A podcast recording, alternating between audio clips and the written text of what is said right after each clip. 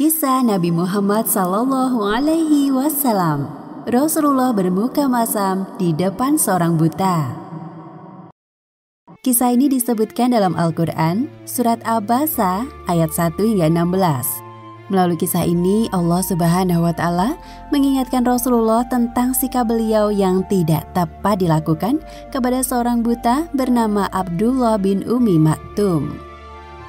Nabi Muhammad SAW berdakwah di Mekah kurang lebih 13 tahun lamanya sebelum akhirnya hijrah ke Madinah.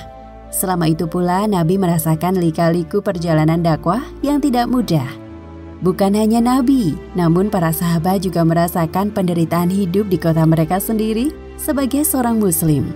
Telah beberapa kali, Nabi Muhammad berkesempatan untuk berdialog dengan para pembesar kaum kafir Quraisy. Dan hari ini Nabi kembali berdialog dengan mereka. Mudah-mudahan kali ini mereka mau masuk Islam. Nabi Muhammad berharap besar atas keislaman para pembesar Quraisy karena mereka memiliki pengaruh kuat kepada penduduk Mekah. Di antaranya yang datang ada Utbah bin Robi'ah, Abu Jahal bin Hisham, Umayyah bin Khalaf, dan Walid bin Mughirah. Wahai saudaraku, bukalah pemikiran kalian tentang Islam. Tidakkah Al-Quran yang aku bawa cukup menjadi bukti bahwa kitab ini berisi kalam Allah Subhanahu wa Ta'ala? Bukan buatan manusia, apalagi buatanku. Dia Allah Subhanahu wa Ta'ala adalah Tuhan satu-satunya yang wajib kita percaya. Dan janganlah kalian menyakiti orang-orang yang telah masuk Islam. Semoga kalian juga terpanggil untuk masuk Islam bersamaku. Ketika Nabi Muhammad tengah fokus berdialog, tiba-tiba datang seorang buta bernama Abdullah bin Umi Maktum. Abdullah bin Umi Maktum bermaksud untuk belajar tentang Islam kepada beliau. Ia lalu menyela di tengah-tengah pembicaraan antara Rasulullah dengan para pembesar Quraisy. Wahai Nabi, tolong ajarkan aku ayat-ayat Al-Quran yang telah diturunkan Allah Subhanahu wa Ta'ala kepadamu Rasulullah merasa kehadiran Abdullah bin Umi Maktum di waktu yang tidak tepat. Lalu beliau bermuka masam dan tidak memperdulikannya. Beliau beranggapan bahwa para pembesar Quraisy yang belum beriman ini jauh lebih penting dibanding urusan Abdullah bin Umi Maktum yang telah beriman. Jika para pembesar Quraisy ini bersedia masuk Islam, maka dakwahku lebih mudah dan umat Islam akan semakin kuat dengan perlindungan dari mereka. Namun setelah cukup lama berdebat, harapan Nabi Muhammad untuk mengislamkan para pembesar Quraisy sirna. Mereka belum juga bersedia masuk Islam. Setelah kepergian para pembesar Quraisy, tiba-tiba penglihatan Nabi Muhammad menjadi gelap dan kepala beliau terasa sakit. Seketika itu juga turunlah surat Al-Basa ayat 1 hingga 16. Dia Muhammad bermuka masam dan berpaling karena telah datang seorang buta kepadanya Tahukah kamu, barangkali ia ingin membersihkan dirinya dari dosa dan dia ingin mendapatkan pengajaran, lalu pengajaran itu memberi manfaat kepadanya. Adapun orang yang merasa dirinya serba cukup, maka kamu melayaninya. Padahal tidak ada celaan atasmu kalau dia tidak membersihkan diri beriman. Dan adapun orang yang datang kepadamu dengan bersegera untuk mendapatkan pengajaran, sedang ia takut kepada Allah, maka kamu mengabaikannya Sekali-kali jangan demikian. Sesungguhnya ajaran-ajaran Tuhan itu adalah suatu peringatan. Maka barang siapa yang menghendaki, tentulah ia memperhatikannya.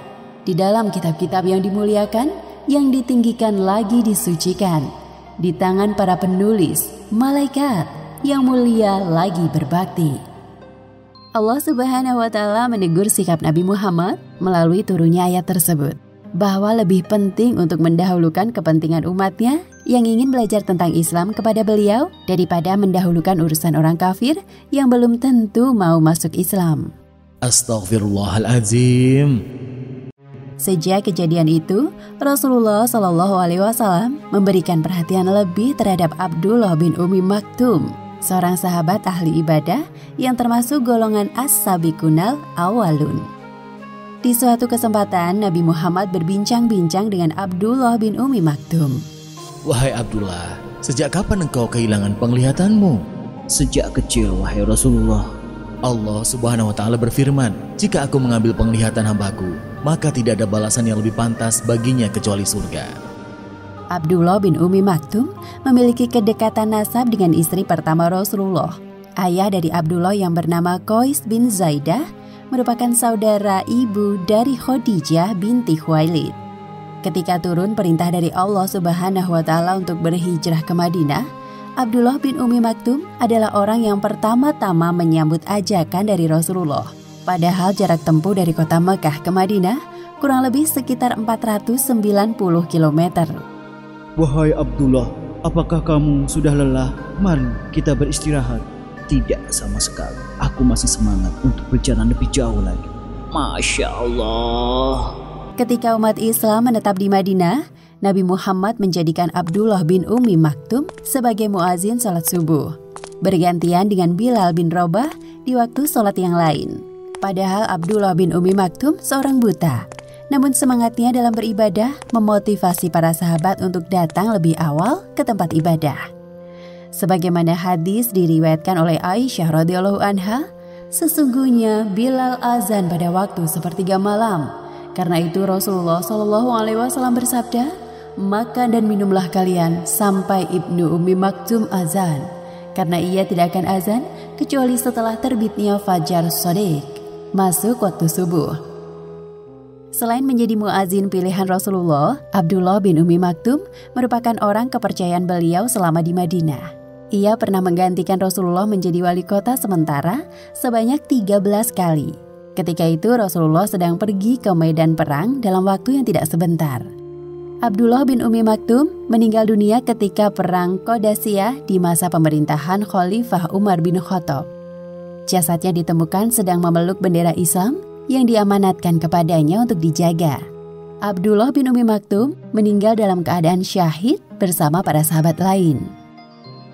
Demikianlah akhir kisah Rasulullah bermuka masam di depan seorang buta. Hikmah yang dapat kita ambil dari kisah ini, pertama, selalu berhusnuzon atau berprasangka baik kepada semua orang. Kedua, berhati-hatilah dalam bersikap agar tidak menyakiti hati orang lain. Dan ketiga, hendaknya kita tidak membeda-bedakan perlakuan terhadap sesama manusia, seperti keterbatasan fisik yang dimilikinya karena semua itu adalah ciptaan Allah Subhanahu wa taala. Wallahu alam bisawab.